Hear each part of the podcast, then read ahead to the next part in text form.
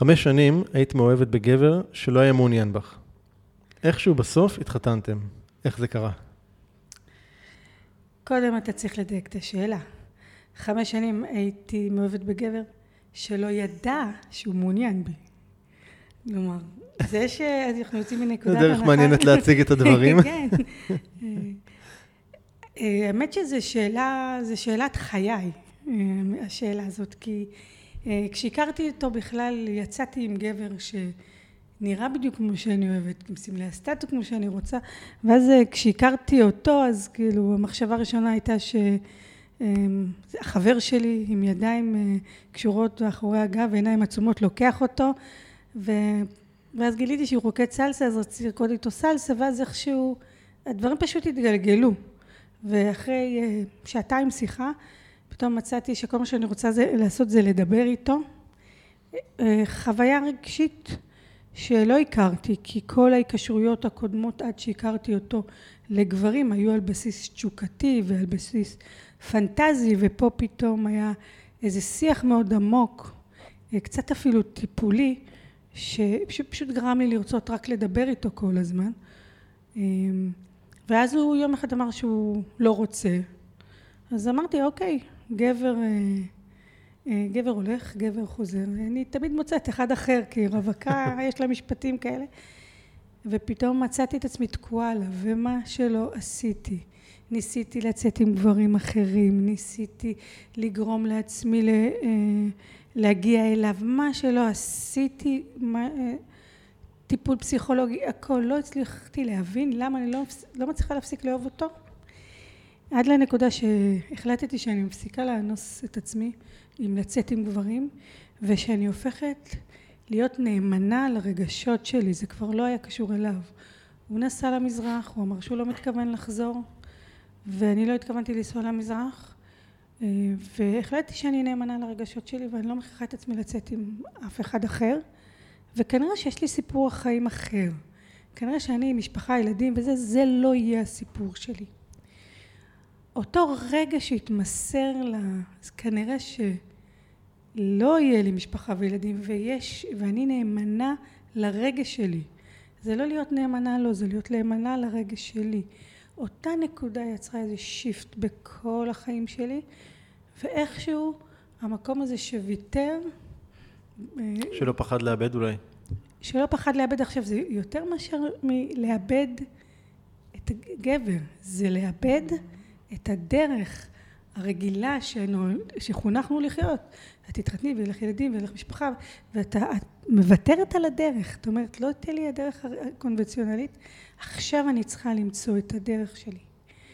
אני חושבת שהמקום שפתח לגמרי בהתמסרות מלאה לחיפוש של הדרך, הפך אותי פתאום ליותר אטרקטיבית. עכשיו, בתוך זה יש את כל החוקים והכללים של זוגיות ושל חיזור ש, שאחרי זה למדנו לעשות ו, והפעלתי אותם עליו במלוא עוצמה ש... כישפת אותו, אה? כן, ש, שזה באמת עבד. אבל לא סתם התחלתי במשפט שהוא לא ידע שהוא רוצה אותי. כי היה שם גרעין. היה שם גרעין של משיכה ושל עניין ושל קשר, וכשיש את הגרעין הזה, כל זוגיות יכולה בסוף להצליח, השאלה כמה שני בני הזוג מוכנים להשקיע בשביל שזה יצליח. טוב, אז על כל התהליך הזה של איך, אה, איך מקשפים אנשים ואיך מניעים אותם לפעולה ואיך גורמים להם ומביאים אותם לתוצאות, אנחנו מיד הולכים לצלול, מיד אחרי זה.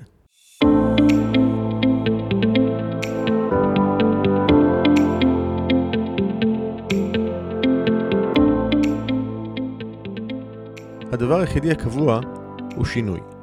ובכל זאת, אנשים רבים חוששים ונמנעים מלעשות שינויים בחייהם. השינוי מוציא אותנו מחוץ לאזורי הנוחות ואל עבר חוסר הוודאות שלרוב מפחיד אותנו מאוד.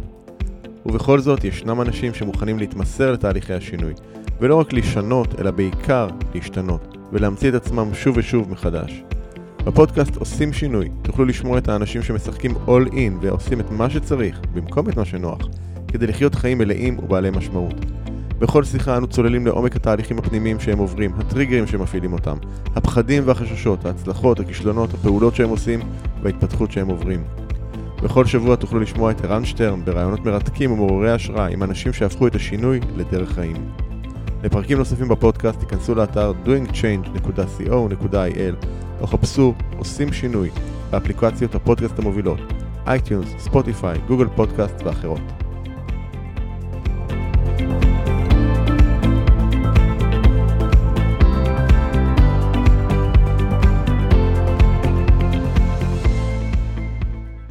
ברוכה הבאה, יעל לב אור.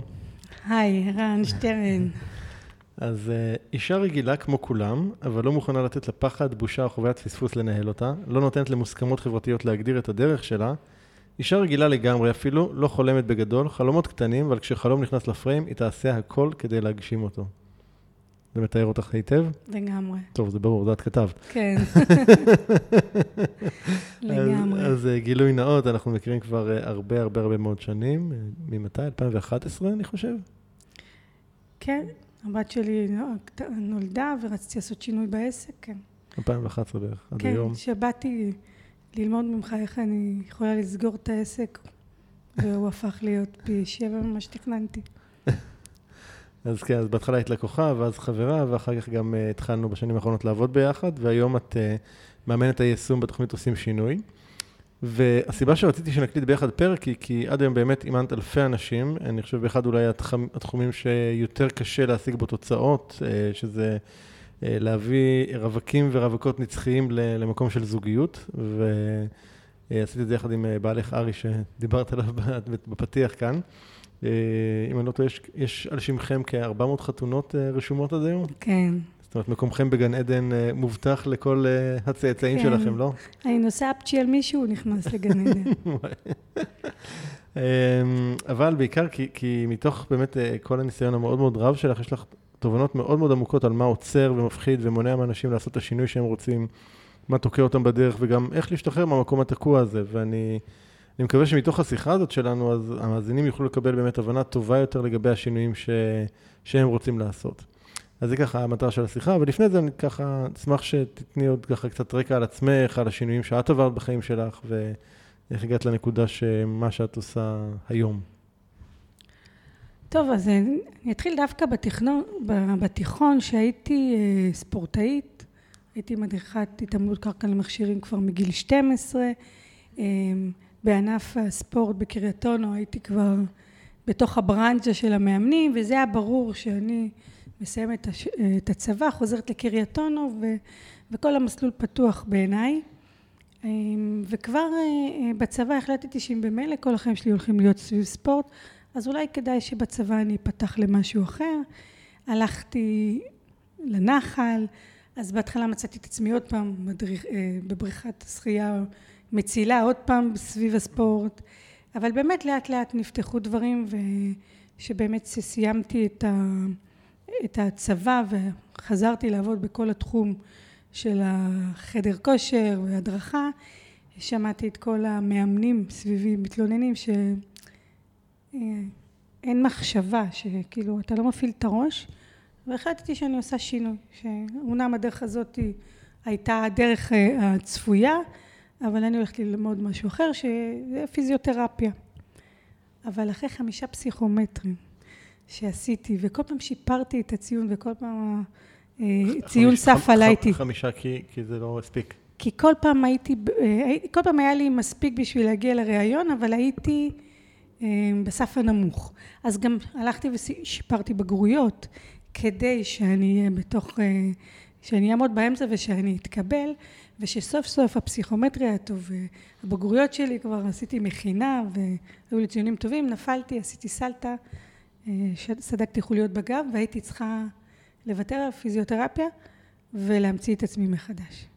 אז הלכתי ללמוד ריפוי בעיסוק במחשבה שאני אעבור להיות פיזיותרפיסטית בתואר שני כי הם משולבים וגיליתי למרבה הפלא שתחום הפסיכיאטריה זה התחום שהכי מעניין אותי יותר מכל המסאז'ים ויותר מכל האנטומיה והכל. מה, מה משך אותך שם? אמ, נפלאות הנשמה של האדם, mm. המסתורין, האי שפיות, הגבול הזה של האי שפיות, שאתה נמצא ואתה מטפל באנשים אתה נכנס למחלקות פסיכיאטריות ואתה אומר אנשים שהיו בתפקידי מפתח בחיים שלהם זה לא כמו בראש שלנו שזה איזה הומלוסים כאלה חסרי כל אנשים ממש שהיו בהצלחות מאוד גדולות בחיים. נופלים והנפש שלהם משתה בהם. ו, ואתה זה קצת כמו לראות אה, סרט מתח. אתה נוגע בפחד אתה מפחד אתה עוצם עיניים אתה פותח עיניים אתה אתה נמצא שם בתוך איזשהו סחרחרה רגשית ובתקופה ההיא אהבתי פרפרים וזיקוקי דינור ואפילו הלכתי לעבוד אה, בכלא עם חולי נפש שזה רוצחים, אנסים, זה כאילו ההורים שלי... מה היית עושה איתם? טוב, זה... אה, ב... כשעובדים בבית כלא עם חולי נפש מנסים לשקם אותם ואתה מגלה שהם, כל מה שהם רוצים זה שהם יבואו לחדר ריפוי בעיסוק כי זה רגע של פינוק לאסירים והם מוכנים גם להשתקם, העיקר שייתנו להם לבוא לריפוי בעיסוק. אמ, הרעיון זה, אמ, בתחום הפסיכיאטרי זה לקבל את האדם כמו שהוא. אה, שהוא יחווה את עצמו, שכמו, שגם הוא בתוך כל השפיות הזאת זה בסדר, הוא לא צריך להשתנות. הוא רק צריך אה, להגיד לי כמטפלת מה האידיאל שלו, איך הוא היה רוצה לחיות, ואני צריכה להראות לו מה הדרך האידיאלית שלו להגיע לשיקום. אז אה, לא שיקמנו הרבה חולי נפש בכלא, אבל זו הייתה חוויה מאוד מטלטלת ומעצבת. ואיך את מגיעה בעצם לתחום של, ה, של האימון לזוגיות? זה דווקא רווקים ורווקות אה, נצחיים נקרא להם? כן. אה, כשסיימתי את הלימודים הלכתי לעבוד בבית חולים גאה עם נוער חולי נפש ועבדתי אה, במחלקה ואחרי שנה כבר בא אליי מנהל מחלקה וביקש ממני לנהל את, ה, את המחלקה של הריפוי בעיסוק אבל בלי תקן ולא הסכמתי. ומאז כל היחסים בינינו התערערו כי איך אני, אה, אה, איך אני לא עובדת מתוך שליחות ואיך אני לא מוכנה לעבוד בשביל אה, כמה אגורות אז אמרתי לו אבל מה הבעיה אתה רוצה אין את התקן תן לי את התקן שלך אני אהיה מרפאה בעיסוק אחראית אני אקבל את המשכורת שלך ואתה תהיה בלי תקן ואתה תהיה בלי תקן אבל הוא לא הסכים הוא לא חשב שאני חוצפנית Mm. וכאילו, זה מוזר, סיפור מוזר חיי. מוזר לאללה. חוצפנית, חסרת גבולות, לא מבינה את המערכת. ו- ובאמת לא הבנתי, לא הבנתי שנכנסתי לעבוד במקום, יש לי תואר ראשון, ומתייחסים אליי כמו אל בייביסיטר. אז, אז עשיתי שם מהפך. כאילו, אחד הדברים החשובים שהבנתי אז, שאתה עושה אה, מהפך במקום, אתה חייב להיות מוכן לספוג את הגלים. כי למרות שדיברתי עם כל אחד מאנשי הצוות ואמרתי להם ריפוי בעיסוק הוא רציני וצריך להיות ככה ואמרו לי נכון נכון נכון עד שזה נגע בהם עד שהפסיכולוגית לא יכלה להיכנס בהפסקה שלה לשתות כוס קפה ואיך נגעתי לה בכוס קפה ואיך העובדת סוציאלית לא יכולה להשאיר את התיק שלה בחדר שלי וכאילו הם הסכימו איתי שאני צודקת אבל שזה יפעל על האחרים וה... מוכנות זה קצת, להיות... זה קצת מזכיר את העניין הזה שאנחנו מדברים עליו הרבה, של אנשים שרוצים שינוי, עד שזה נוגע לזה שהם צריכים להשתנות. כן, כן, ש... עד, עד שזה... אה, עכשיו, זה היה מזעזע מבחינתי, כי הייתי בסך הכל בת 28, 30, והיו שם מטפלים בני 50, שהסתכלתי עליהם כוואו, איזה מטפלים. ו, ופתאום בשביל כוס קפה, שלא שהם לא ישתו כוס קפה, יש איזה חדר קפה עלוב, לא, אבל הם, הם כבר רגילים, וזה הקפה שלהם, וזה, והייתי בשוק מ, מהריקושטים. אמ, ואז זה היה הפעם ראשונה שקיבלתי את האומץ וראיתי שכשאתה מוכן לעמוד עם, מול הגלים ש, של השינוי, ואתה בסוף הכל מתארגן ומסתדר ו, ומתייצב. ואז אמ, שינוי הפך להיות משהו שהוא, שהוא מאוד אה, נוח וקל. אבל אה, בגלל המשכורת המזעזעת שקיבלתי שם, הבנתי שלעבוד במרכזי מקום, לא משנה כמה אני נהנית וכמה טוב לי וכמה זה פסגת השאיפות שלי, אם אני מקבלת משכורת של 3,500 שקלים ואני מוכנה לחיות עם זה בשלום, משהו לא בסדר בדימוי העצמי שלי. לא יכול להיות שאני נותנת כזה ערך גבוה ומוכנה לקבל את הסכום הזה כמשכורת. ואז אותו מקום שהיה מוכן לעשות טלטלה, היה מוכן לטלטל עוד פעם את החיים ולעזוב את המקום שאני הכי אוהבת למשהו שאני פחות אוהבת אבל יש שם משכורת הולמת וזה היה ריפוי בעיסוק בילדים, פתחתי קליניקה פרטית, הרווחתי מאוד מאוד יפה, לקח לי שנתיים עד שהפכתי את הקליניקה למקום שאני הכי אוהבת להיות בו. אבל עבדתי עם ילדים אחרי הצהריים, ואז נולדה הבת שלי אלה, והכנסתי אותה למעון, ולא יכולתי להיות אחרי הצהריים, הייתי צריכה למצוא עוד משהו. והלכתי לעשות קורס קואוצ'ינג.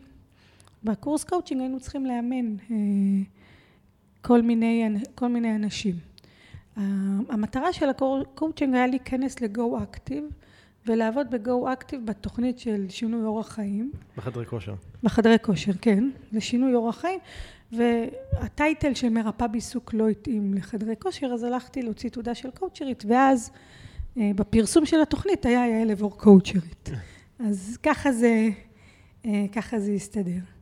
ובמסגרת אה, הקורס הזה אימנתי מלא אנשים, ביניהם רווקים ורווקות. שיש הרבה כאלה מן הסתם בחדרי כן. כושר. וזה היה אחרי המסע שארי ואני עברנו כדי להתחתן, איכשהו פספסנו אותו. אמ, וגיליתי שהדבר שהכי מעניין אותי זה לקחת רווקים ורווקות, לראות איך הם חושבים ומתנהגים בדרך שמובילה אותם לרווקות. הם מקסימים, הם יפים, הם חכמים, הם מוצלחים, הם חברותיים, הם מוכנים להתמסר, אבל הם חושבים ומתנהגים לא נכון. דיבר, דיברנו על זה פעם, וקראת לזה, אם אני לא טועה, חשיבה רווקית. כן. שבעצם האנשים האלה כבר כל כך מורכבים, מורגלים לדפוס חשיבה מסוים, ש, שמוביל אותם רק בדיוק לאותו מקום רווקי. עכשיו, אפשר לקחת את הדבר הזה ולהכליל את זה להמון תחומים. כן. יש אנשים שיש להם חשיבה רווקית, נגיד, בתחום של כסף, או של בריאות, או של, כל, כל, של תעסוקה, או כל תחום אחר בחיים שלהם. אני אגיד לך, אנחנו שמנו את זה במין רצף, שבצד אחד יושב הזאב הבודד, ובצד השני יושבת ציפור האהבה.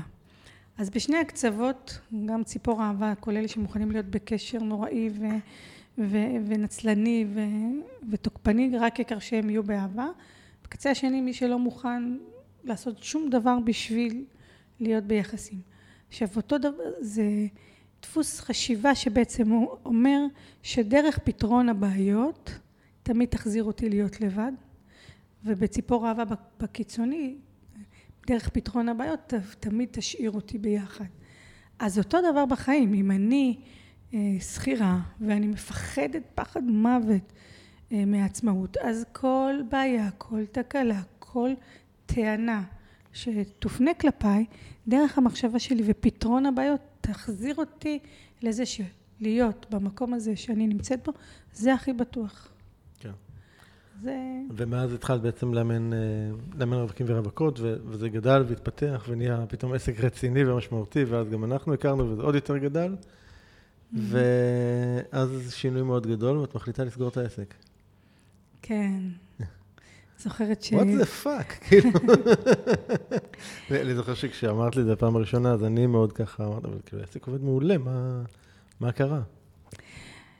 אתה יודע, אחד הדברים שתמיד עניינו אותי, זה המאחורי הקלעים. כשאנשים אה, פוגשים הצלחות, או אנשים פוגשים אנשים שהם, אה, אני קוראת להם מנצנצים, מאוד מעניין אותם הזוהר. אותי מעניין מאחורי הקלעים. הקשיים, הפחדים. גם כשאימנתי את הנבחרות של הספורט, כולם לקחו את המתעמלות הכי טובות, ואליי היו מביאים את אלה שלא מצליחות לעשות את התרגיל, והייתי לפעמים יומיים יושבת עשר שעות עם המתאמנת עד שהיא הצליחה לפצח את אותו תרגיל שהיא לא מצליחה ולתפוס את החישוק ולעשות את הפליק עם רגליים ישרות. אז מאחור, מאחורי הקלעים זה הסיפור האמיתי שאנחנו בדרך כלל גם לא מעניין אותנו לשמוע. ומה שאנשים שומעים זה 400 חתונות, זה שיהיה לי גן עדן, זה כל החתונות שהיינו הולכים, היינו הולכים קרוב לבין 16 ל-20 חתונות בשנה, והיו מוחאים לנו כפיים, והיינו עומדים על, ה- על הבמה ונותנים כל מיני הרצאות וכל מיני הפעלות שלפעמים אה, הקהל היה מוחא לנו כפיים, שכאילו לפעמים אתה אומר, אבל רק אמרתי מה שאני יודעת, למה הם מוחאים כפיים. כן, מה, נראה, נראה לי כל כך טריוויאלי כן, וברור. מה... כן, כאילו, לא, מה קרה פה? אני לא הייתי מבינה מה, מה הם עברו, כי אני בסך הכל אמרתי את מה שיש לי להגיד. אבל מאחורי הקלעים היה שעות, שעות של שיווק, של מכירות, של ניהול, אמ, של אה, מערכת משומנת שעובדת כמו שעון שוויצרי בלי, בלי חופש. הרי אני מנהלת אה, עסק פרטי ומידת החופש שלי הולכת ומצטמצמת ולא הולכת ומתרחבת. כי כשאני חושבת שדי, בא לי לסגור את העסק, יש לי אה, שלוש, אה, שלושה, שלוש עובדות שאני צריכה לחשוב שאם אני מחר סוגרת את העסק, מה קורה- אז, הם, אז? הן נשארות בלי עבודה. אז איך אני עושה את זה? או שאם היום לא בא לי לתת את השואו שלי, אז יש את המכירות, אז צריך לעשות עבודה כפולה ואולי אפילו לא תהיה לה פרנסה. רק מידת החופש הלכה והצטמצמה בחוויה שלי, מתוך אותה אחריות מאוד כבדה שלקחתי על עצמי. אמ, עד, עד למצב שהילדות שלי גדלו, ואם קבעתי אה, ערב מבוא, 120 אנשים נרשמים, ובבוק, ובצהריים אני באה לצאת לערב, והבת שלי יכולה, ואולי עם חום גבוה, ואולי צריכה ללכת לחדר מיון. ו, ומה אני עושה עם המציאות הזאת? וזה היה חופש שלא הייתי, זה כבר המחיר היה כבד מדי. אמ, שאני לא יכולה פשוט לקום ולהגיד עכשיו אני עוזבת את הכל ואני הולכת עם הבנות שלי. שהיום אני יודעת שיכולתי לעשות את זה. יש מקומות שעושים את זה. יכולתי להגיד, כן.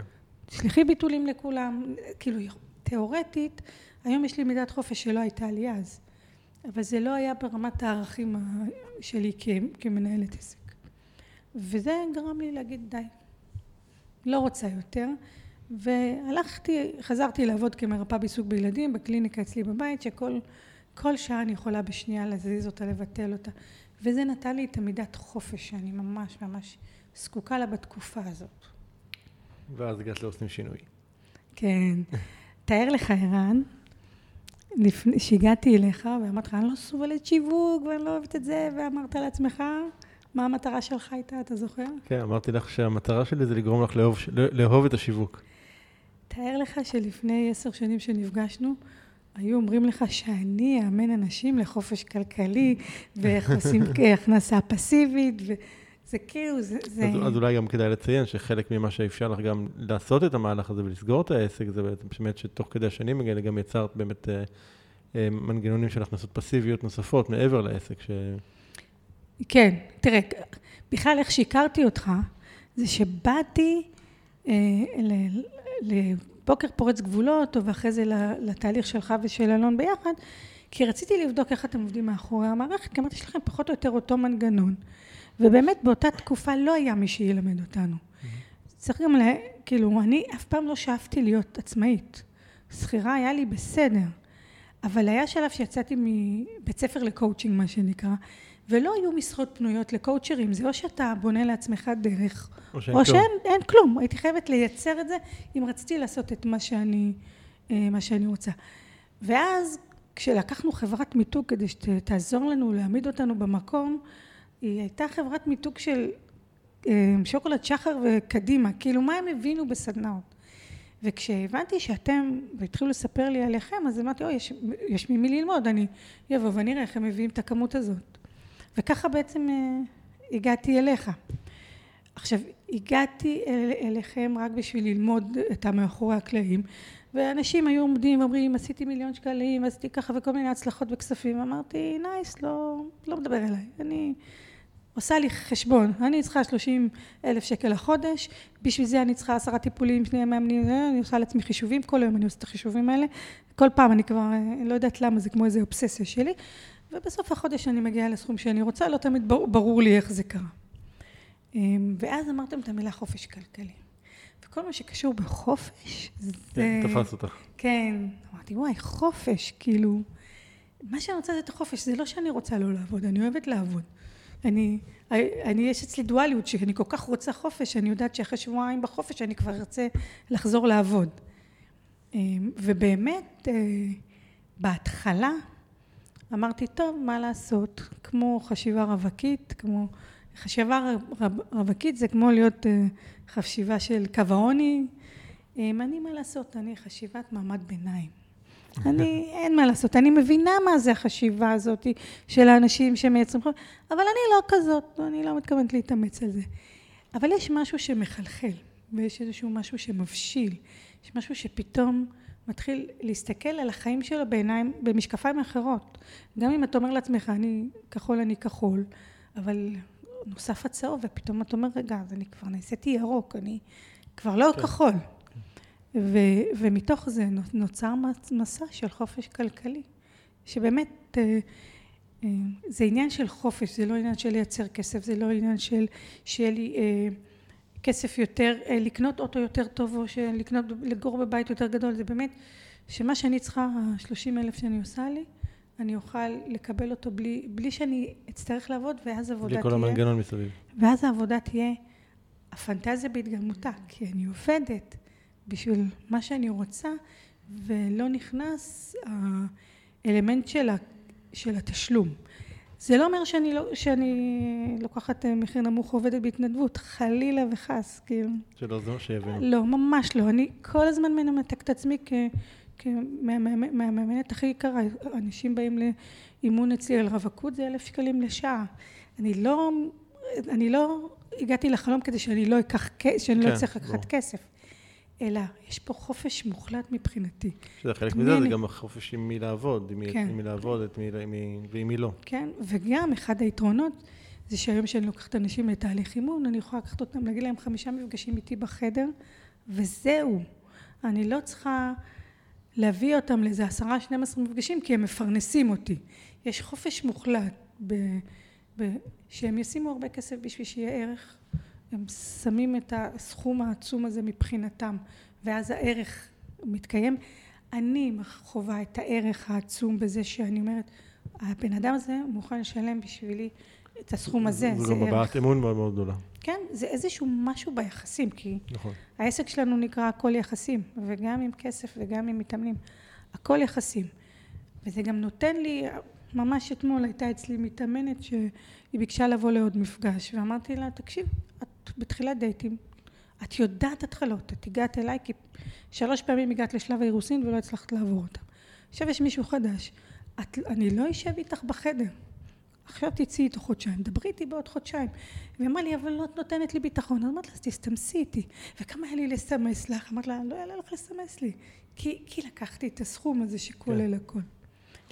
אז לקראת השיחה שלנו ביקשתי שככה תרכזי את הקשיים העיקריים, את החסמים העיקריים, מה שאנשים חווים אה, כשהם מנסים לעשות את השינוי שהם רוצים, ואני אשמח שככה נעבור עליהם ונפוגג אותם קצת ונבין מה, מה באמת עומד מאחוריהם, גם מתוך הניסיון שלך באמת באימון של הרבה מאוד אנשים לזוגיות, וגם מתוך ה... כבר לא מעט אנשים אה, בתוכנית עושים שינוי, שבשנה וחצי האחרונות ככה יצא לנו ללוות. אז uh, אני אעבור ככה על הדברים ש, ש, שרשמת לי ו, וניכנס אליהם אחד-אחד. אז הדבר הראשון זה באמת, מה שעוצר אותם זה הפחד להתאכזב, uh, או ברמה אפילו גבוהה יותר מזה, זה שהם אפילו לא מעיזים לחלום. Mm-hmm. יש כמה סיבות שאנשים לא מעיזים לחלום. אחד זה שהם בכלל לא מבינים שיש אפשרות כזאת שחולמים ומגשימים חלום. כן. מה שהם יודעים זה שאתה עובד במה שאתה טוב ואתה מרוויח כסף, וחלום שייך לאוכלוסיות אחרות. יחידי סגולה. כן, הם נולדו לאבא עשיר, הם נולדו יפהפיות, הם, הם, אין לי מה לחלום על זה. זה או שאתה נולד עם זה, או שאתה לא נולד עם זה. שזה אגב ממש ממש ממש מנגנון ממש מעולה של בן אדם אה, לומר לעצמו שאני לא כזה כמו ההוא שהצליח, ולכן אין סיכוי להיות כמוהו, כי ההוא כן. יש לו את הכסף, יש לו את המראה, יש לו משהו whatever. ו, ו, וזה בסך הכל באמת סוג של מנגנון הרגעה אפילו לעצמנו, כי, כי אם זה תלוי במשהו חיצוני שאין לי אותו, אז, אז אין לי מה לנסות. תראה, כשזה מנגנון הרגעה, עוד, אנחנו עוד במצב טוב. כי אז אני יכולה לקחת את המתאמן לפחד ולראות שזה המנגנון שמרגיע אותו. אבל יש וזה, אלה המתאמנים שכמו שאומרים, אני לא אלמד למבחן, ואז אם אני אכשל, תמיד יש לי את ה... אה, בכיס, את האופציה שאם אני אלמד, אני אצליח. אף פעם אני לא משתמש בה. בגלל שהפחד להיכשל כל כך גדול, שאני חייב כל הזמן בכיס את האופציה להצליח. אם אני אשתמש בה ונכשלתי, אני אתרסק, סוף החיים. זה ממש חוויית מוות ש, שקשה להסביר אותה, זה ממש חוויה של לחדול. שזה, שזה באמת הנושא השני שהיה, שעלה, זה באמת הפחד הזה מכישלון. ואני אגיד ש, שבעיניי כישלון זה באמת אחד הדברים שאנשים צריכים ללמוד, לתרגל אותם אפילו כמה שיותר, וזה אחד הדברים שאנחנו עושים בעושים שינוי, אנחנו נותנים אה, לאנשים גם לפעמים מקבלים משימות שאנחנו יודעים שבחלק מהמקרים הם לא יצליחו בהם, שהם ייכשלו בהם, mm-hmm. כדי שיחוו את חוויית הכישלון הזאת בתוך סביבה מאוד מאוד אה, בטוחה, מוגנת, שמורה, תומכת, ושתהיה להם בעצם אה, חוויית, כמו חוויית נפילה, נקרא לזה, נעימה מספיק, או, או, או, לא, או, לא, או לא קטלנית כזו, שהיא באמת תשתק אותם, אלא להפך, היא, היא תיצור להם את החוויה שאומרת, אוקיי, נפלתי, קרה, קמתי, המשכתי הלאה, ובעצם יש להם פה את המנגנון התאוששות הזה שהוא, שמאמנים ומתאמנים בו. ולמה לדעתך זה לא כזה פשוט להם? פשוט ליפול ולקום. מה חוסם אותם מליפול ולקום? אף אחד לא רוצה ליפול, מה זאת אומרת? יש פה מלא דברים, זה מה יחשבו עליי, איך זה נראה. בבסיס שלנו, רכבנו על אופניים, נכון. עפנו. אמא כן, אומרת לנו, לא, לא, אל תיסע, בוא עכשיו תרכב, ואנחנו עולים, יאללה. אבל מאז למדנו לפחד. אוקיי. אני חושבת שיש פה משהו יותר עמוק. יש אנשים, בעיקר פרפקציוניסטים, אבל לא כולם. בסדר? אני לא מכלילה, אבל אה, כדי שנצליח לאמן חייבת להיות איזושהי הכללה בין אנשים, ש, כדי להבין את הדינמיקה הנפשית. שהזהות שלהם, הקיום שלהם, האהבה העצמית שלהם, תלויה ב, בהצלחה. בהצלחה ובמחיאות הכפיים שמקבלים. כן, אבל אם אני לא מצליח, אני לא שווה כלום. זאת אומרת, אנחנו מדברים על זה בהקשר, הרבה בתוכנית בהקשר של התלות בתוצאה. זאת אומרת, אם לא השגתי כן. בתוצאה, אז אני חסר ערך. חסר אני... ערך לגמרי. כן. זאת אומרת, כל הערך שיש לי מכל ההצלחות הקודמות שהיו לי בחיים שלי... נמחק בשנייה. נמחק בשנייה. זה כאילו פגיעה נרקסיסטית מאוד עמוקה. אומרת, אני, אני מרגיש לא שווה, זה, זה מאוד עמוק, אז זה לא סתם כישלון. בגלל זה גם אנחנו לא, לא, לא מהמפגש הראשון זורקים אנשים ל... אוקיי, בואו נעשה לכם תוכנית למטרה הגדולה, צאו לדרך. יש איזה בילדאפ פנימי שצריך לעשות כש, כשמישהו בזהות שלו יושב על זה שהוא פרפקציוניסט ועל זה שהוא מצליח. הזהות הזאת שכביכול... עומדת בסכנה עכשיו. כן, כי בחוויה ההצלחה שלי זה הזהות שלי ועל זה אני בונה את הביטחון שלי. עכשיו אם זה הזהות שלי אסור לי להיכשל. ואחד התהליכים שאני מעבירה את האנשים שאני אומרת להם תגדירו לי מה זה בינוניות. ועכשיו תחיו חודש בבינוניות. הם לא יכולים לנשום. הם לא יודעים מה זה. כאילו יש או הצלחה או כישלון. זה כאילו משחק של אפס או אחד. כן. כשלבן אדם אין את הגוונים האפורים אז החיים הם מאוד uh, רכבת הרים. ואז בגלל החוסר רצון או הפחד להיכשל, הם פשוט לא מנסים. זאת אומרת, הם ילכו רק על הדברים שיש להם בוודאות מוחלטת שהם כן, יצליחו. כן, הפחד לחוות שאני אפס. כן. אוקיי? עכשיו, אני יכולה להגיד לך... אה, אני חושב שבבסיס של כולנו יש את הפחדים המאוד מאוד בסיסיים האלה, ש, שאני אגלה שאני לא טוב כמו שחשבתי, או שאני זיוף. ולא רק שאני אגלה את זה, כולם יראו את זה עכשיו. כן. אמ, אבל באמת אני חושבת ש... כשבן אדם מוכן להגיד לעצמו, למשל, ממש שבוע הייתה לי שיחה עם, עם איזה מתאמנת שהייתה צריכה לעשות משימה. וכמובן הילד חולה ועבודה והמצב הביטחוני וכאילו כל הזמן אומרת לי אבל תביני אותי, תביני אותי. אמרתי לה, אבל איך זה עוזר לך שאני מבינה אותך, אוקיי? בואי, אני כאילו... אני אגיד לך איך זה עוזר לה, זה נורא ברור. ברגע שאת לכאורה מבינה אותה, את נותנת לה אישור לזה שהיא לא פעלה. כן, שזה, שזה חלק מהדברים שמאוד מאוד קשה לי, שמאוד קשה להעביר בסגנון אימון שלנו פה בתוכנית. אנחנו לא, אני לא יכולה להיות עסוקה בזה להבין אותם. אני לא יכולה להיות עסוקה בכאב שלהם, וזה משהו שנגיד שלמדתי כשעבדתי עם נוער חולה נפש, מגיע נער לטיפול. אימא שלו התעללה בו מיניות ואז לקחו אותו למשפחה אומנת והאבא הציק לו מיניות ואז לקחו אותו אה, אה, לפנימייה ושם התעללו בו וכאילו אם אני אהיה עסוקה בלהתכווץ איתו ולבכות איתו אני לא, אני לא אפרוץ איתו כלום, אני לא אחבר אותו לעוצמות שלו. ולכן אין לנו, אין פשוט... זה, זה בעוד, בעוד כיוון, זה, זה ש... אם... זה מזכיר לי מתאמנת, ש... ש... תכף, בטח תזכרי על איך מדברים, אבל שהיא ניסתה במשך תקופה ארוכה לשכנע, אה, לשכנע אותנו שהיא mm. סובלת. שהחיים כן. שלה זה סבל אחד גדול. ואני זוכר שבאחת השיחות שהייתה, אמרתי, לא, אוקיי, נניח, ש... נניח שאת צודקת, שכנעת אותי, את סובלת. עכשיו איך מתקדמים מפה? כן. מה קרה? כן. מה, מה, מה השתנה בחיים? אוקיי, מה יקרה מחר שלא תסבלי? זאת אומרת, העניין פה זה שאנחנו אה, לא קונים את הסיפורים שאנשים מספרים לעצמם על למה הם ככה או למה הם אחרת. ואני חושב שזה משהו מאוד מאוד חשוב באימון, כי את הסיפור שאנחנו מספרים לעצמנו, אנחנו כבר יודעים, אנחנו מכירים אותו. אנחנו לא צריכים שעוד מישהו יאשר לנו אותו, ההפך, אנחנו רוצים שמישהו יציג לנו משהו שהוא שונה מהסיפור הרגיל שלנו, כי אחרת נגיע לאותם מקומות בדיוק. וזה, אה, זה יחזיר אותי למאחורי הקלעים שדיברתי איתך עליו, זה שאני בכלל לא עסוקה בתוצאות, ואני כל הזמן עסוקה בתוצאות. טוב, זה תסבירי. אוקיי? זאת אומרת שאם אה, מתאמן יבוא ויגיד לי, תקשיבי, אני באתי לתוכנית, הייתי חסר ביטחון, עכשיו אני טוב לי עם עצמי, אני בנוח עם עצמי, אני רגוע, עשיתי פריצה פנימית, ואני אומרת לו, רגע, אבל מה עם התוצאה שרצית להשיג? לא, עזבי, אמרת לו, אז מבחינתי לא הצלחת. עכשיו, אתה לא פעם אמרת לי, אבל יעל, הוא פרץ, תראי איזה שינוי עשה. אמרת לו, לא. אני מאמנת יישומית, אם הייתי רוצה להיות פסיכולוגית, הייתי הולכת להיות פסיכולוגית. אני, זה לא מה שאני בוחרת להיות. בן אדם רוצה תוצאה, אני אביא אותו לתוצאה. עכשיו, יש את מאחורי הקלעים. מאחורי הקלעים זה כל הפחד והלחץ, ו, ואני מוצאת את עצמי מתחברת אליהם, אלא מאחורי הקלעים הזה.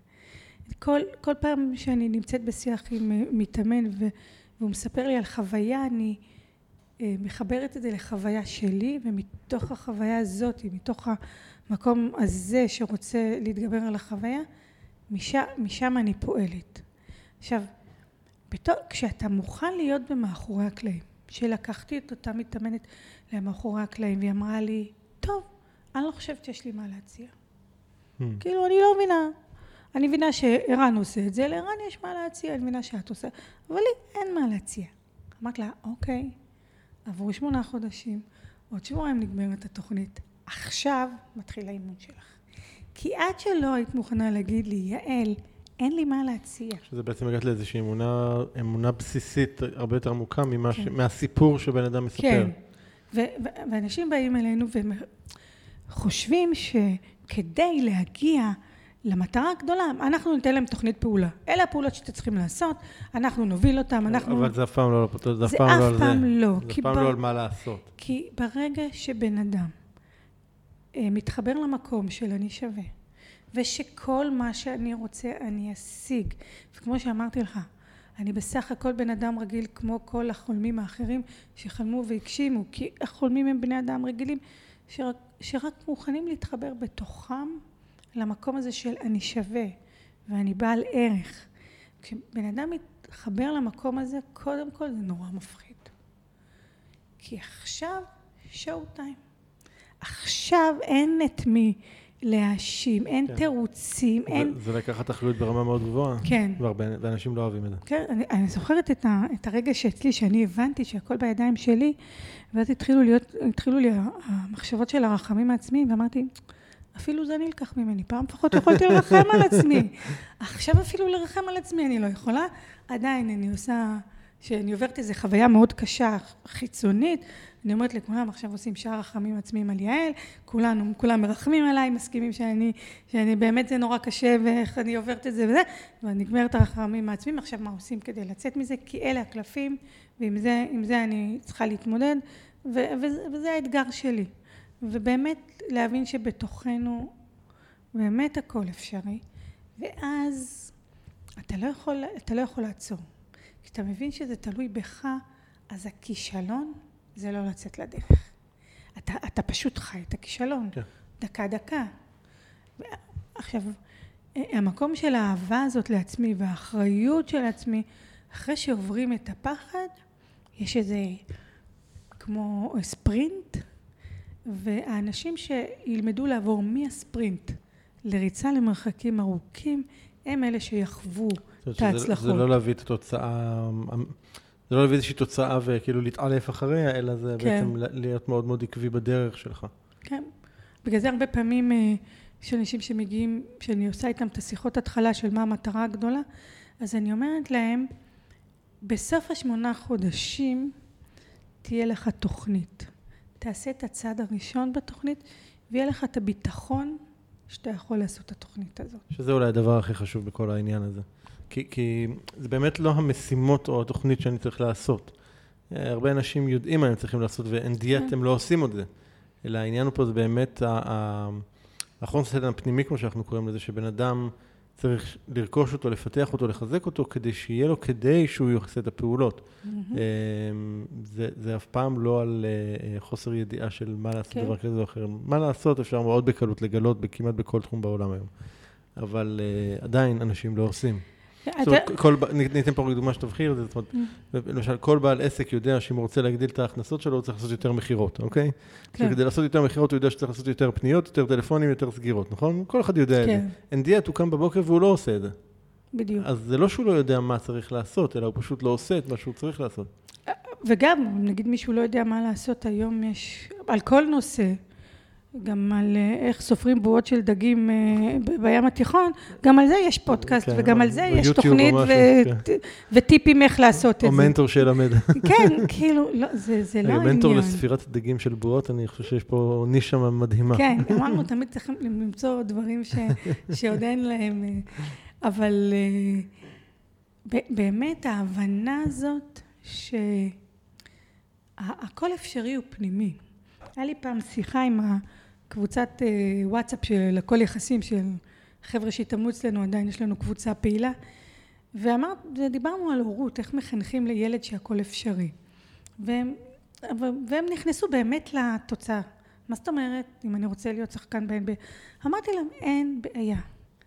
אני הולכת להוכיח לכם שאני בת 52, במשקל עודף, אישה, בחיים לא שיחקה כדורסל, הולכת להיות שחקנית מובילה ב-NBA. הולכת להוכיח לכם את זה. ואז כאילו, זה, זה ברור שזה אבסורד. לא משנה שהרבה אמ, אנשים, כשאתה מבין שבעצם מה שצריך פה להילחם, אם אני רוצה להיות שחקנית ב-NBA, אני צריכה להילחם בחוקים של אנשים. חוקים של אנשים, אם אני אקח את המסה הנכונה ואת הכסף הנכון, אולי אני אצליח להזיז אותם. שזה למדתי באמת בחיים, ברגע שאתה מוכן לא להיות בתלם, אז אתה מזיז חוקים ש, ש, שקבעו. כן. זה לא חוקי טבע. אבל הכל אפשרי זה להתחיל לחקור מה אני ארגיש אם אני אהיה שחקנית ב-NBA. וכשאני מבינה מה אני ארגיש כשאני אזרוק את הכדור לבאזר ואני אעשה את השלוש נקודות של ג'ורדן והמחיאות כפיים האלה, מה הם יהיו בשבילי, אני אוכל למצוא את כל המקומות בחיים שלי שאני יכולה לייצר את זה, ואז נולד חופש. כי כשאני, אה, גם כשבאים אלינו מתאמנים, והיו אומרים לי, אני רוצה שתביא אותי לעסק, אז, לבחור הזה. התאהבתי בו, אמרתי לו, אני לא יודעת, אני לא יודעת לאמן אותך להתחתן עם הבחור הזה. אני יכולה ללמד אותך להתחתן עם גברים. אותו דבר, כשמגיע אליי מתאמן ואומר, אני רוצה לפתוח איזה עסק כחול ו- וירוק, סליחה, ומשהו כזה, וכל מה שהוא רוצה זה את אותו עסק נקודתי, כן. אני אגיד לו, אני לא יודעת לאמן אותך. אבל הכל אפשרי. אמרתי לו, הכל אפשרי. אבל אם אתה רוצה למכור עכשיו טישו לכלבים, אני לא יודעת אם זה אפשרי פה. יש אוכלוסייה היום שגם גיליתי, שאפשר למכור גם טישו לכלבים וגם עם זה להצליח, וזה אבא שלי לימד אותי, יש מכירות, אפשר, מוכר טוב, מוכר כרך לאסקימוסים. זה גם אפשרי, אבל זה, אבל זה לא העניין. כן. העניין הוא זה שכשאנחנו מלמדים אנשים לקחת מטרה, ולהשיג אותה. הם יודעים את כל הדרך. איך אני מגדיר את המטרה, איך אני ממפה את הפחדים, איך אני רושם תוכנית שהיא מתאימה לי, איך אני עושה אה, באמצע הדרך אה, הערכת מצב, איך אני בונה את הביטחון שלי בעצמי, שאני אוכל לעשות את זה. ואז הכל אפשרי. מתושש, ואיך אני מתאושש מנפילה או מכישלון? אתה יודע שכשיש שלב בחיים שזה קצת פרדוקסלי להגיד את זה, או קצת אה, פלצני. יש שלב ש... שאין, המושג הזה כבר לא קיים. מושג של כישלון, את מתכוונת. כן, כי בעצם בסופו של דבר, מה זה כישלון? כישלון זה, הגדרתי לעצמי פעולות שאני רוצה לעשות שיביאו אותי לתוצאה מסוימת. שלא קרו. ועשיתי את הפעולות והתוצאה לא קרה. אז אני מגדירה את זה ככישלון. עכשיו, זה שלא הגעתי בנקודת מצב לתוצאה הזאת, יש שני סיבות. אחד, שהתוצאה ששמתי לעצמי, הרבה פעמים אנשים מגלים שהמטרה שהם שמו לעצמם היא איזשהו, אה, איך אני קוראת לזה? כמו בועת הייטק. זה איזה משהו בועתי שאמור להביא להם איזה חוויה, אבל לא יביא להם כן, אותה. זה גם לא, זה לא בהכרח המטרה האמיתית של מה שאת כן. זאת. אני אסביר למה הכוונה, לפעמים אנחנו בוחרים מטרות מכל מיני סיבות שהן לא שלנו. זאת אומרת, אני הלכתי ללמוד הנדסה לצורך העניין, לא כי זו הייתה משאת נפשי, לא כי חלמתי בלילות שאני אהיה מהנדס, אלא כי הסביבה שלי די הבהירה לי מגיל מאוד מאוד צעיר, שזה הדבר הלכאורה הנכון שצריך לעשות אותו. אז הלכתי לבחור, הלכתי לבחור בתחום הזה, ואחר כך בקריירה שטעמה את הדבר הזה. שוב, לא מתוך זה באמת מה שאני רוצה לעשות, אלא כי, כי הבנתי שזה מה שמצופה ממני לעשות. אז זו הייתה, זו הייתה המטרה שלי, ואז אתה, אתה מגלה, לפחות ככה זה היה אצלי, וזה קורה אצל לא מעט אנשים, שאתה מטפס ומטפס ומטפס על הסולם, רק מגלה בסוף שהוא שעון על הקיר הלא מתאים. Mm-hmm. או שלפעמים טיפסת בסולם והגעת לאיזה פסגה מסוימת, שמעבר אליה אתה אומר, בפסגה הבאה החלום שלי לא נמצא. כן. אני כבר מתחיל להבין. בדרך כלל בני אנשים עוד כובשים, כובשים עוד שתי פסגות עד שהם מבינים שהחלום השתנה. אני השתניתי, החלום השתנה. אמ, מאוד חשוב גם להגיד, נגיד שאתה אה, מדבר על, על אינטל, ברור לי שההישגים שהשגת באינטל, הפריצות דרך שעשית בתוך אינטל, הדרכים שפרצת לך בתור אינטל, זה דרך שהיית צריך לעבור. זה כאילו כמו הייתה טירונות לחיים. לגמרי. ובטירונות הזאת היית צריך להיות מקום בטוח, כסף בטוח, אה, פרסטיג' בטוח, ואז מתוך, מתוך המקום הבטוח הזה יכולת לפרוץ עד לנקודה ש... זה כמו... שכבר לא עבד עבור, כן. יש את הדברים הבאים. אני אומרת, אני אומרת לזה כמו... ש, שפה אגב אני רק אגיד משהו על זה, שאתה מגיע לנקודה הזאת, אז יש פה גם פחד מ... לכאורה לוותר על כל מה שהשגת בשביל משהו חדש, שאתה אולי אפילו עוד לא יודע כל כך מהו. פה אני אוהבת אה, להגיד כאילו את העיקרון של הפרפר, שהוא, קודם הוא עוטף, אה, התולעת קודם עוטפת את עצמה. בגולם. בגולם. הגולם נותן לה ביטחון. היא לא יכולה לעשות את העבודה הזאת בלי המעטפת הזאת שנותנת לה ביטחון. בגלל זה אנחנו, הרבה פעמים אנשים שהם רוצים לעשות שינוי, אני אומרת להם, קודם בואו נעשה את המעטפת של החופש הכלכלי. כשתגיע ל-50% ממה שאתה צריך, פתאום ייפתח חופש. שגם אם תצטרך להיות, אה, לעבוד כמוכר במכולת, אתה עדיין תחיה את רמת החיים שאתה רוצה, כי יש איזושהי רמת חופש. אמ, אז יש את המעטפת הזאת. אני אגיד אבל אולי עוד מילה לדבר הזה, שבשלב מתקדם יותר של הדבר הזה, אתה מבין שהחופש הוא בכלל לא תלוי לכמה כסף יש או אין לך בבנק. כן. זאת אומרת שזה כבר רמה, נקרא לזה, גבוהה יותר מעבר לדבר הזה. זה לא הדבר הראשון. אבל זה לא אומר שלא יהיה לך כסף בבנק. לא, זה לא אומר שלא יהיה לך כסף. לא, זה לא אומר, אבל זה אומר, אני יכול לתת דוגמה על עצמי, בסדר? כן. אם ניקח נגיד את השנה הזאת של הקורונה, שהייתה די שיתקה הרבה מאוד עסקים, וגם על העסק שלי זה השפיע כמובן.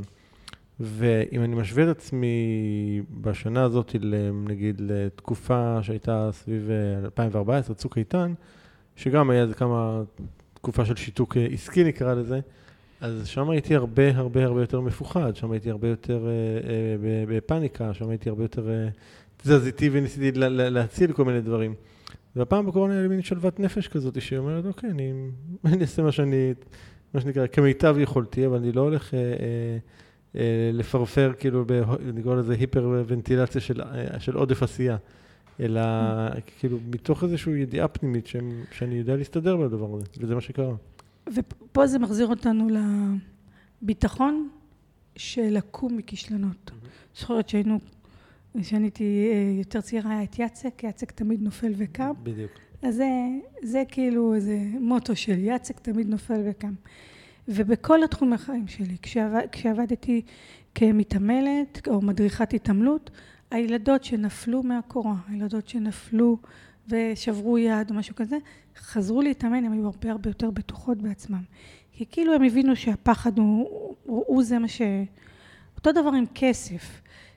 רק כשאני בניתי את הבית ופתאום מצאתי את עצמי ב-30-40 אלף שקל מינוס, שמאנשים שלא נתנו לעצמם להיות במינוס, תמיד היו באלף שקל בחשבון, פתאום יש מינוס. וזה, אתה לא, אתה מפחד, אתה לא יודע, כן, אתה, אתה, אתה, אתה, אתה מעביר, אתה מעביר את הכרטיס אשראי ופתאום יש איזו תקלה בזה, אתה אומר, וואי, מה קורה פה, יגלו אותי. ו- ואתה יוצא מזה. ואז כשהגיעה הקורונה, אז אמרתי, לא, לא, אז יצאנו מ-30, נצא גם מ-100 אלף שקל. כאילו, המקום הזה שאומר, נפלתי וקמתי, כבר לא מפחד ליפול. וכבר לא, כבר לא מסתכל על זה כנפילה. כי הוא אומר, אוקיי, היה, היה משהו שרציתי לעשות, לא הצליח, או לא הביא לי את מה שחשבתי שזה יצליח, אבל זה שעשיתי, זה הכי חשוב. זה מחזיר אותי להתחלה, שהדבר הכי קשה לי לחוות, זה חוויית פספוס. Mm-hmm. לי בחיים שלי יש חוויית פספוס אחת. בצבא הייתי נחלאווית ולא הייתי מדסית כמו החלום שלי, או שלא הייתי לוחמת. אני... אה, ולמה זה פספוס? כי בחוויה שלי, אחרי זה לא היה שום מקום שיכולתי לחוות את זה. לעומת זאת, ללכת לעבוד ברפת ולהיות מצילה בבריכה, בקיבוץ יכולתי לעשות את זה אחרי. וזה הרבה פעמים שאלות שאנשים שאומרים אותי, מתלבטים, אולי אני אלך לדרך הזאת, אני אלך לדרך הזאת. אני שואלת אותם, איזה דרך, אם לא תעשה אותה עכשיו, לא תוכל לעשות אותה עוד פעם. זה כן. חלק ממה שעוזר לקבל החלטה. בואי נדבר על הדבר נוסף, שזה אה, הרגלים אוטומטיים מעכבים. מה הכוונה בזה?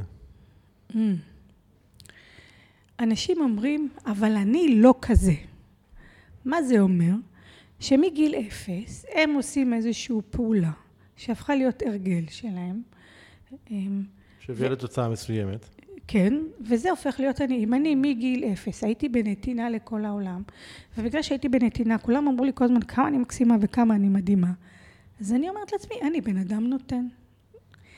עכשיו... שזה גם הרבה פעמים מתחבר, אם אני בן אדם נותן, אז אני לא אמור לקחת תשלום כן, או לקבל תגמול כן. על, על הנתינה שלי. ואז באמת אני כל הזמן uh, מביאה אנשים שאני אה, נותנת להם בחינם, ואני, ואני נותנת בסתר, ונותנת בגלוי, ובעיקר נותנת בסתר ודואגת שמישהו יספר שאני נותנת בסתר, כדי שאני אקבל את המחיאות הכפיים הראויות לי, אבל כי אני מוגדרת מנתינה. וביום שאני אצטרך להגיד, אוקיי, מעכשיו, אני לוקחת כסף, כי אני מבינה בראש שכשמישהו משלם לי הרבה, אז אני נותנת לי ערך ולא ערך.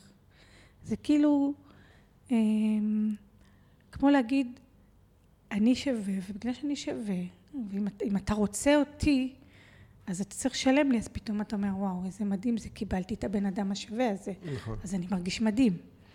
אבל אותו סיפור של, אבל אני, אני בן אדם של נתינה, יתחיל להגיד, אה, איזה פלצנות, איזה שטויות, אה, סתם הם מספרים לעצמם סיפורים. יש גם חוק בסיסי שאנשים לא מעריכים את מה שאין לו שווי, כן? זאת אומרת, אם אנחנו לא משלמים על משהו, אז לא נותנים איזשהו תגמול, התגמול לא חייב בכסף, לא נותנים איזשהו תגמול בצד השני, אז אנחנו לא כן. מעריכים את זה.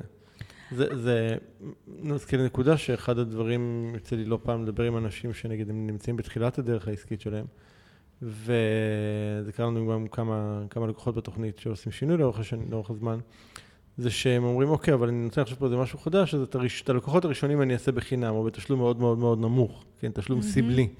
ואני, זה אחד הדברים שאני מתנגד להם באופן מאוד מאוד נחרץ, כי זה מקבע בדיוק את מה שאמרת. זאת אומרת, אני, כאילו, אם, אם בעל עסק תופס את עצמו כ, כבעל ערך נמוך, אז הדבר הזה גם יהיה לו הרבה יותר קשה למכור את זה בהמשך. לא נדבר על זה שהוא באמת גם לא יהיה מתוגמל על זה. כן, אז אם אני צריכה להתחיל לא לתת בחינם שום דבר, זה לא אני, אני טיפוס של נתינה. עכשיו זה מה שיעכב אותי. זה לא רק יעכב אותי מלהרוויח יותר, שברמה הטכנית אני נותנת את הזמן שלי בחינם, יש משהו ברמת התודעה שבו יש לי שיח עם הכסף שאומר, אני לא, אתה יכול לא לבוא, זה בסדר, כאילו... כן. זה, זה איזשהו, עכשיו, כשאני, אמ, כשאני מגדירה את עצמי כמשהו ואני באה לסדנה ואומרים לי עכשיו את צריכה להיות מישהו אחר, זה, זה, זה נראה לא טבעי, זה נראה מאולץ, זה נראה, אפילו אמרו לנו, זה כמו לרדת לזנות, כאילו, אתה יודע, אנחנו שומעים דברים מאוד מאוד אה, קשים על, על מה שאנחנו מבקשים מאנשים לעשות. ו, ובסופו של דבר, כשבן אדם פורץ את ה...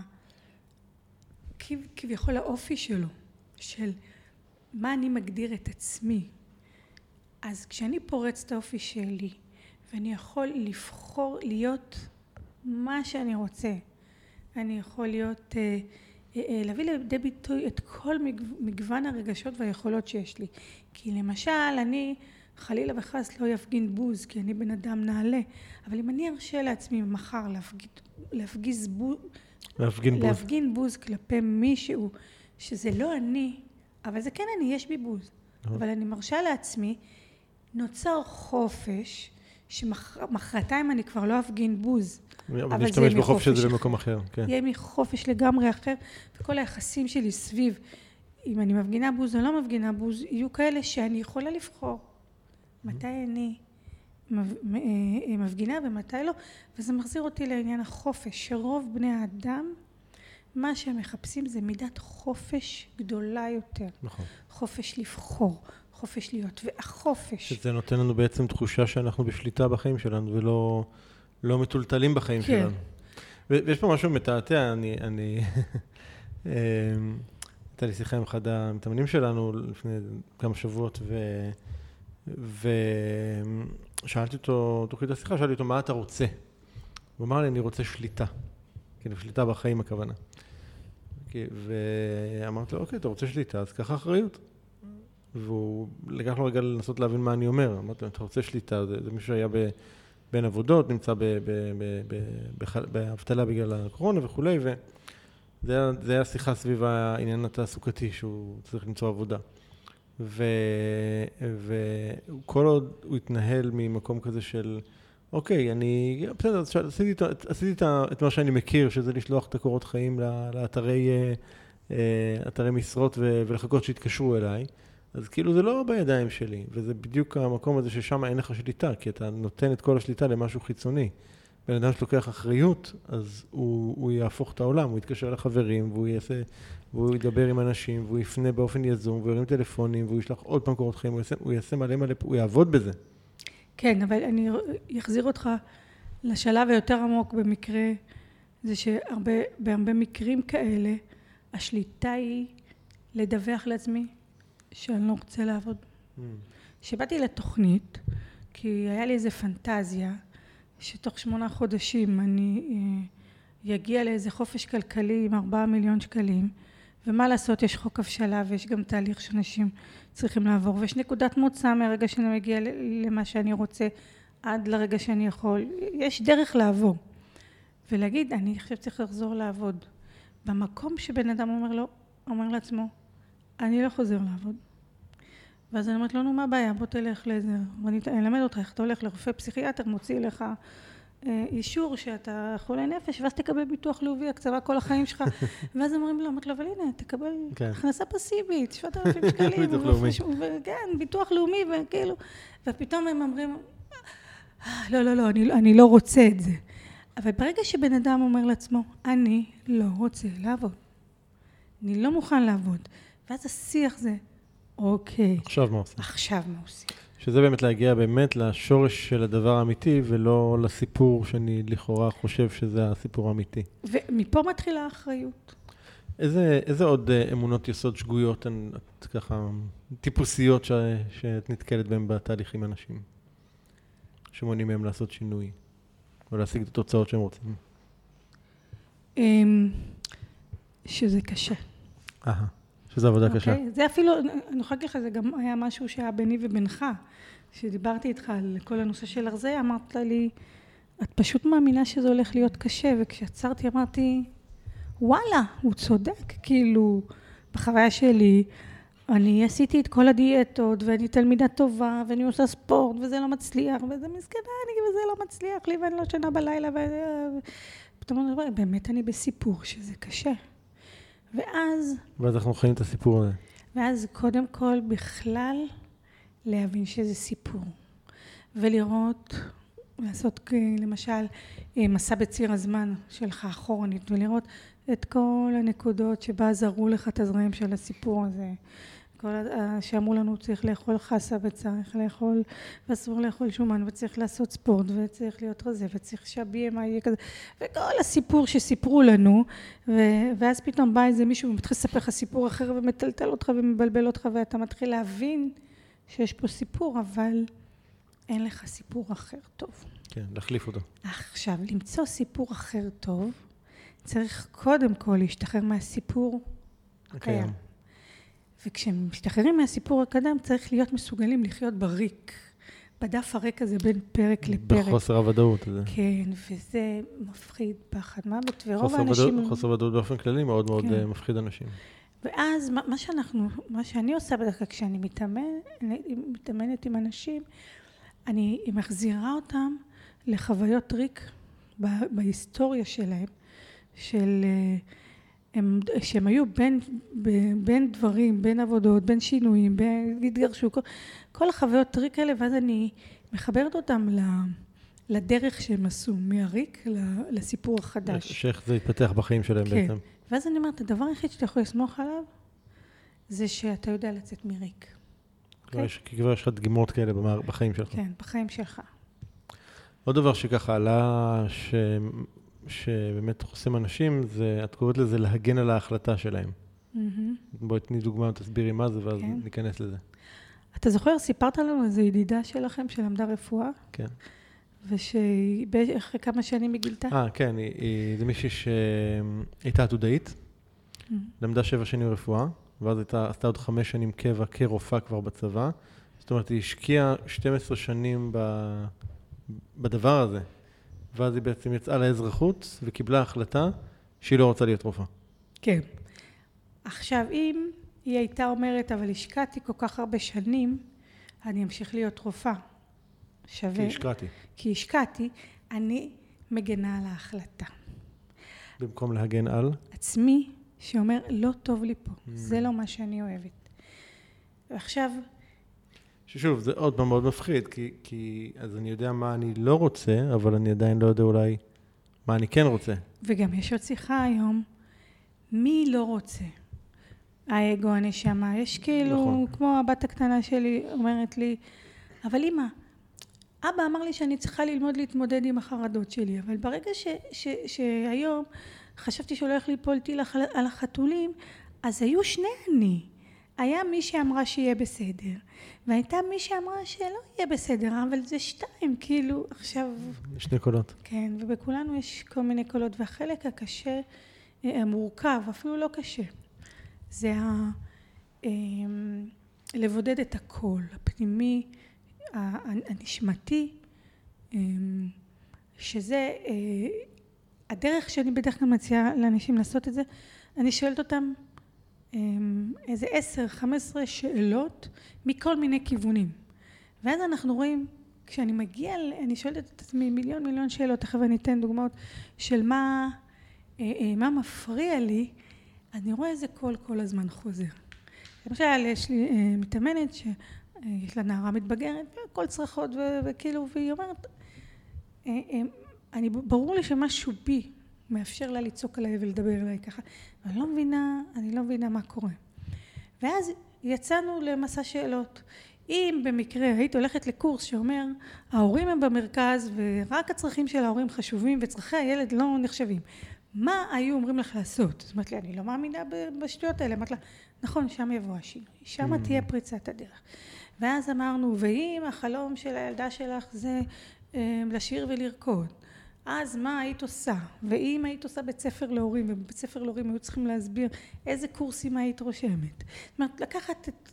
והרעיון זה למצוא את השאלה הזאתי, שהיא אף פעם לא שאלה את עצמה, שת, שפתאום תעורר בה משהו, ואז פתאום אתה אומר, הנה, זה הקול שלי. כי שאלתי ושאלתי, שאלתי, מכל מיני כיוונים שאני לא רגיל לשאול את זה.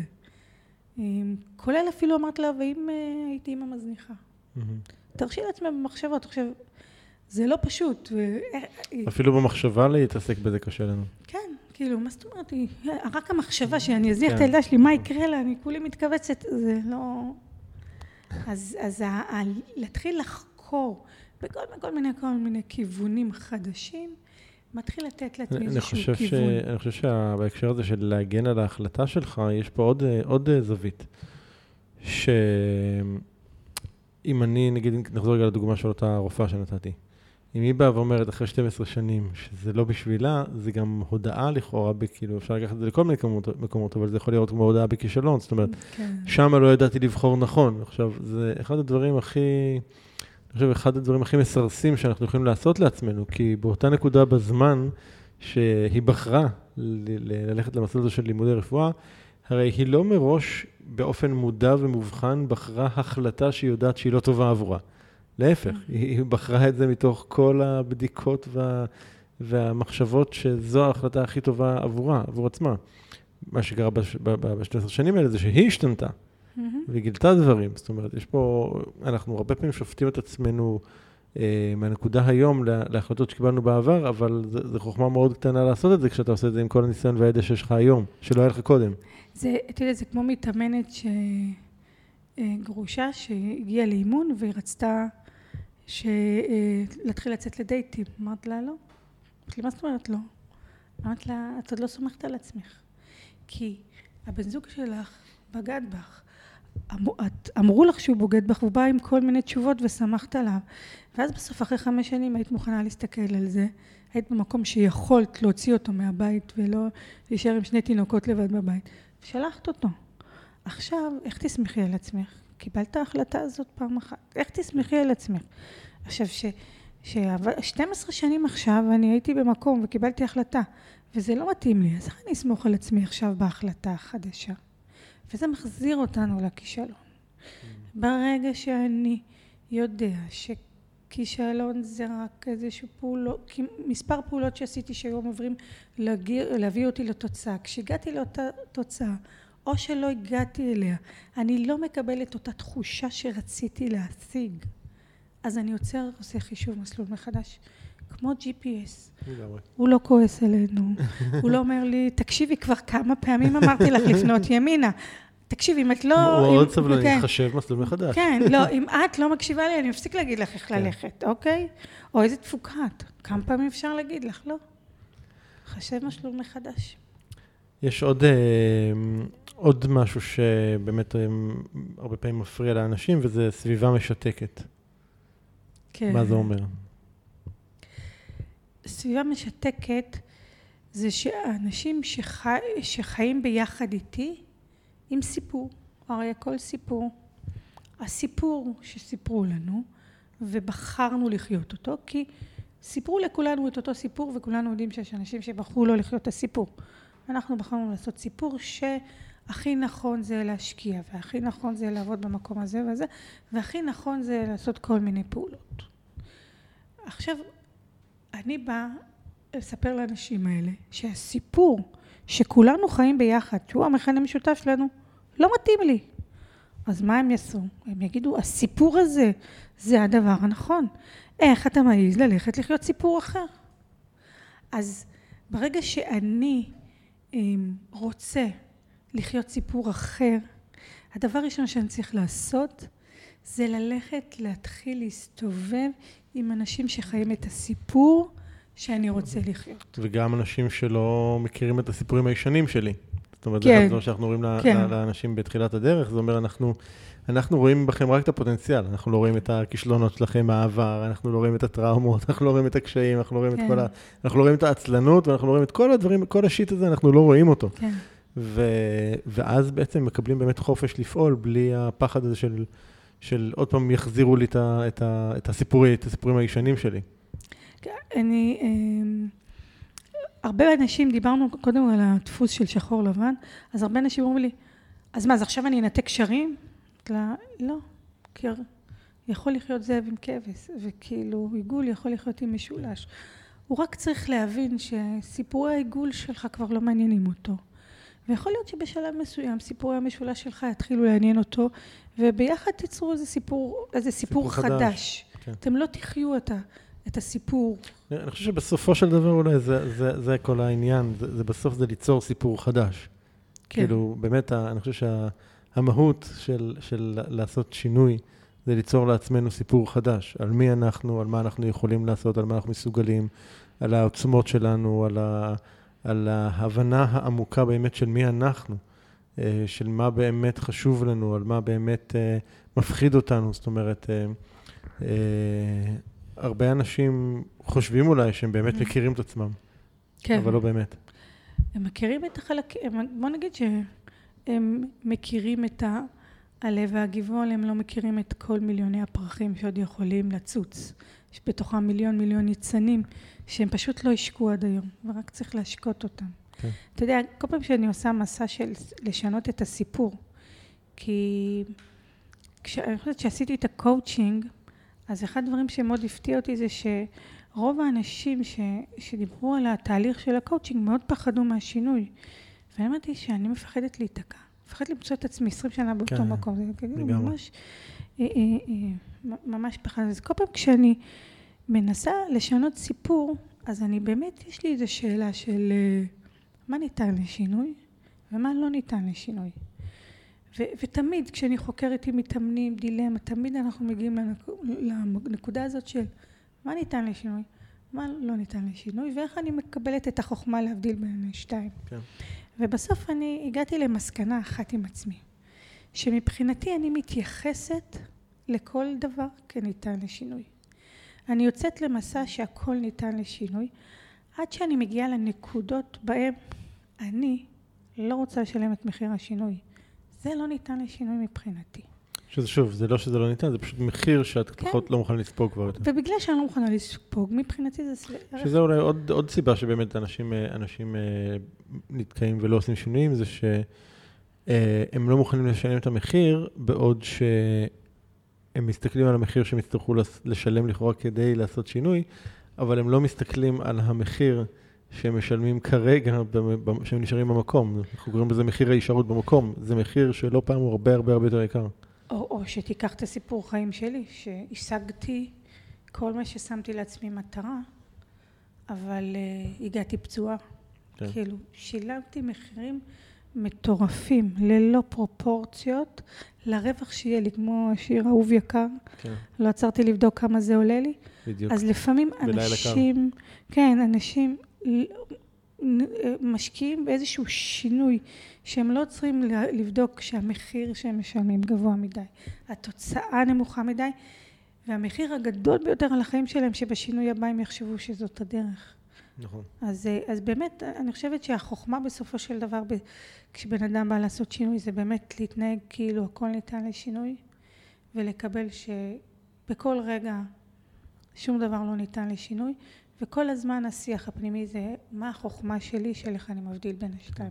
איך אני לא הורג את עצמי, איך אני, איך אני כל הזמן יעיל לעצמי. כן, וזה, וזה קשור באמת ללהכיר את עצמך ברמה הרבה הרבה יותר ארוכה.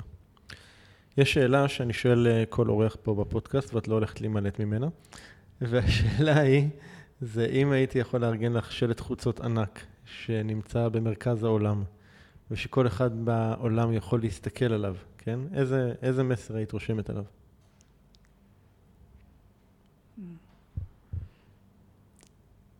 חבל שלא הקשבתי לפודקאסטים שלך עד הסוף. הייתי מגיעה מוכנה עם השאלה הזאת. ידעתי שאני הולך להתקיל אותך. כן. אמ,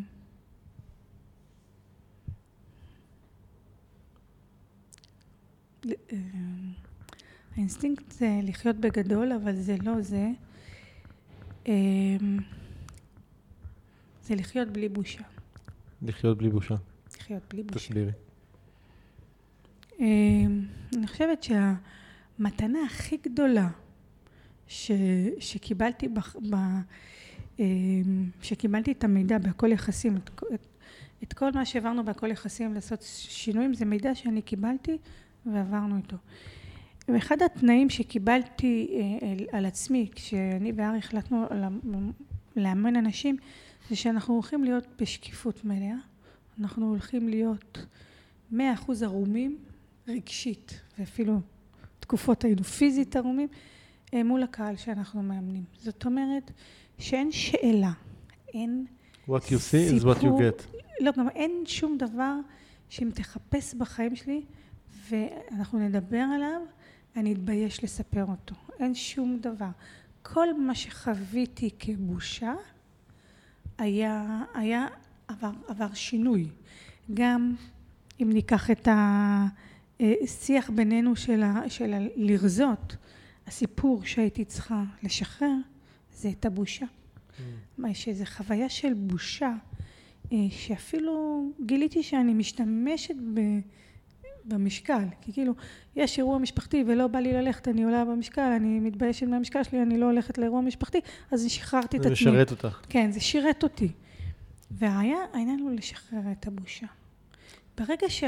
כאילו מבחינתי חופש זה הדבר שאני שואפת להגדיל בחיים שלי, והדבר שהכי מצמצם את החופש זה בושה. נכון, כן, אני מסכים לזה לגמרי. יש משהו שהייתי צריך לשאול אותך שלא שאלתי?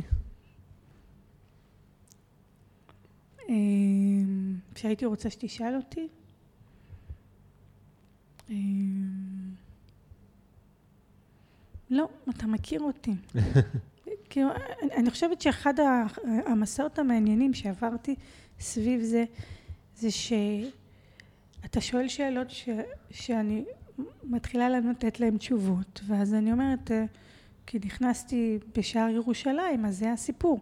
אבל אותם סיפור חיים, אם אני אכנס עכשיו בשער יפו, יהיה סיפור אחר. ופתאום זה היה מעניין לראות את כל הגוונים של, ה... אמ, של הסיפורים. ולא משנה מאיזה שער נכנסתי, בסוף זה מתנקז ל... האם אני מרגישה פספוס, האם אני מרגישה כן. בושה, והאם אני מרגישה פחד משתק. ואז, ואז לבחור איך אני באמת רוצה כן. לחיות. העיקר לא לחוות את זה. יש משהו שהיית רוצה לשאול אותי? כן. כן, נדלקו לך עיניים. אם אתה היית צריך כן. לשים את השלט חוצות עליי, mm. מה היית כותב? אה, לא מוותרת לאף אחד. Mm. אני אוהבת את זה. לא מוותרת לאף אחד. יותר טוב ממה שאני כותבת. אמ, כי אני, אני, את יודעת, אנחנו עובדים כבר הרבה הרבה הרבה זמן ביחד, ואני רואה באמת את המחויבות שלך למתאמנים שלנו וללקוחות, ו, ואת ה... אפרופו הלחיות בלי בושה, זאת אומרת, זה לפעמים מגיע למצבים אה, שיוצרים איזה סוג שנקרא לזה אפילו פרובוקציה, אה, בשביל to make a point ובשביל להניע את הבן אדם. ו... זוכר, התקשר אליי אה, לפני אה, איזה חודשיים, התקשר אליי אחד, ה, אחד הלקוחות, ושולח לי הודעה, אומר לי, הייתה לי שיחה עם יעל ואני מאוד מאוד נסער. ואת פשוט נכנסת בו. כן. ואמרתי לו, הדבר ראשון שאמרתי לו, שאלתי אותו, אתה נסער? אז הוא אומר לי, כן, מאוד. אמרתי לו, מצוין. אמר לי, מה זאת אומרת מצוין? אמרתי לו, זה סימן שמשהו בתוכך זז, שהיא נגעה באיזושהי נקודה. עכשיו בואו נסתכל מה יש שם. ואני חושב שזה באמת הדבר הזה, כי זה נורא, נחמ... זה נורא כיף ונוח, גם כמאמן, שאתה לא צריך להתעמת עם, ה... עם, ה... עם המתאמנים שלך. ללטף להם את הגב, לעשות להם קיצי קיצי בנעים בראש, כאילו זה הכי קל, כן, אבל לא בשביל זה אנחנו פה. אתה יודע שמבחינתי, השינוי הקשה, וזה גם אחד המחירים מבחינתי שהם עדיין כבדים. אמ, זה ש... כמטפלת, כמרפאה בעיסוק, במיוחד שעבדתי בבריאות הנפש, מאוד מלמדים אותך לעשות הפרדה בינך לבין הלקוח. ברמה שיכולתי לשבת בישיבת צוות ובפעם שלישית לשמוע על הילד שזה יתעלל בו וזה יתעלל בו וזה יתעלל בו ו, ולהגיד למורה ספורט שיושב לידי, זה באסה, תראה, נשברה לי הציפור. כאילו פתאום את תופסת עצמך ואת אומרת איזה ניתוק רגשי. וזה, ואנחנו רגילים ללכת לעם של מטפלים, אנחנו רגילים למקצועיות שמנתקת את הרגש. והמסע שאני עוברת עם המתאמן זה שאני נכנסת איתו ליחסים אמיתיים כאילו אנחנו בזוגיות. אני חווה את, את, את הכל, אני חווה אותו. כמו שאתמול היה לנו אה, אה, איזה זום איתם, ושעה לפני הזום אמרתי, רגע חבר'ה, מה קורה? אני, אני מרגישה פה אי שקט, ומסתבר שארבעה מתוך השישה מצאו סיבה למה זה לא נוח להם. אני פשוט הרגשתי את זה, כמו שלפעמים mm. בת זוג מרגישה את הבעל שלה. כן. או שביום שישי אתה היית עד, עשיתי בוואטסאפ אימון למתאמן, ובסוף ממש, ממש הרגשתי את הלב שלי, וממש בכיתי עם דמעות. ו- ואז הוא שלח לי תמונה, הנה, אני גם בוחרת. כאילו, אני אומרת, עכשיו, המקום הזה שמרגיש את, ה- את, ה- את המתאמן, הוא לפעמים מאוד מאוד קשה. אני מודה שלפעמים אני לא חווה את עצמי במיטבי כשאני נכנסת במתאמן, ו- ו- ועדיין, אה, הרבה פעמים אתה אומר לי, יעל, זה היה מצוין, או דבר אומרת, יעל, זה מה שצריך, ואני אומרת, אבל הלב שלי מצטמק. כן. בגלל שדווקא עכשיו הוא צריך את החיבוק הכי גדול, ודווקא עכשיו הוא צריך את הטלטלה הכי גדולה. ו, וכאילו, ה- ה- המקום הזה ש, שנכנס בהם, ואני זוכרת, אותו מדריך שהביא לי את המידע, נלחמתי בו המון. בוא, בוא, ננתק אותי רגשית, זה היה כיף להיות מנותקת רגשית, והכל יחסים. ו, ומה שנותן לי את הכוח זה באמת לחוות את הרגשות המאוד חזקים, את כל הפחדים, את כל הלב המצטמק. ומשם אני לא מוותרת, כי הרגש הזה הוא כאילו יושב בתוכי, ואני יודעת שהם מרגישים, ואני שומעת את כל הסיפורים האלה, אבל אני איתם מאחורי הקלעים, אני בכלל לא על הבמה, כן. אני רואה... ו- וזה עדיין מחיר, שאני עדיין, אה, אני עדיין מרגישה שהפריצה הבאה שלי, זה שאני אדע לעבוד נכון עם המקום הרגשי הזה, ואז אני אוכל להגיע עם מתאבנים הרבה יותר עמוק, הרבה יותר מהר, הרבה יותר... אה, עוד יותר עמוק. כן, כן. כי, כי יש משהו בי שמקווה לא להגיע לשם, Mm. וכשהוא מגיע לשם לא יכול לוותר על זה. כן. וגם כש...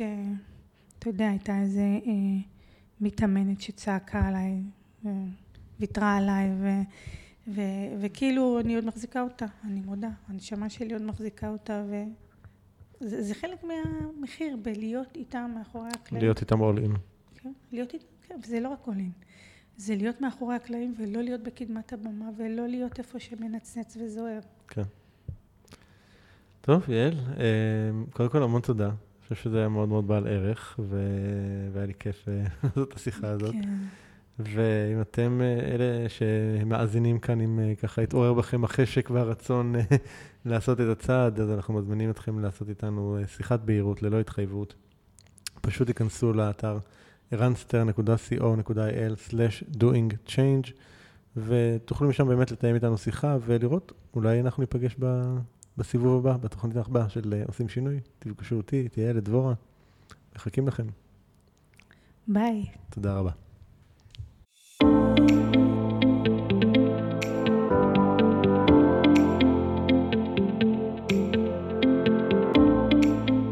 זהו, עד כאן לפרק של היום. אם אהבתם את הפרק, אל תשכחו לדרג את הפודקאסט ב iTunes, Spotify, Google Podcast, SoundCloud, YouTube או בכל פלטפורמה אחרת שדרכה אתם מאזינים לנו כרגע. תוכלו למצוא אותו באתר הפודקאסט doingchange.co.il את כל הכישורים הרלוונטיים לפרק הזה. שם גם תוכלו להירשם לפודקאסט ואנו נשלח לכם תזכורת בכל פעם שאנחנו מעלים פרק חדש. נרשמים באתר doingchange.co.il אני מזמין אתכם לכתוב לי תגובות, מה אהבתם, את מי תרצו לשמוע בפרקים הבאים, או כל הערה והערה אחרת שיש לכם. אתם מוזמנים לשלוח לי ישירות למייל feedback at ערנסטרן.co.il או בפייסבוק שלי facebook.com/ערנפנפייג' אם אהבתם את הפרק הזה, אל תשאירו את כל הטוב הזה רק לעצמכם. בטוח שיש לכם חברים שרוצים גם הם לעבור שינוי. שתפו אותם ושילחו להם את הפרק. ומילה אחרונה, אבל חשובה. אם קיבלתם השראה מהפודקאסט ואתם מרגישים את השינוי בוער בכם, אם החלטתם שאתם רוצים שינוי ואתם מוכנים לעשות את מה שצריך, ולא את מה שנוח, כדי ליצור את השינוי הזה בחיים שלכם, אני מזמין אתכם לתאם איתנו שיחת בהירות, ללא עלות וללא התחייבות. בשיחה הזו נעזור לכם להתמקד ולהבין כיצד לקדם את השינוי בחייכם. לתיאום השיחה ייכנסו לאתר ערנסטרן.co.il/doing change ושוב ערנסטרן.co.il/doing change אני ערן שטרן, שמח שהאזנתם ונשתמע בפרק הבא.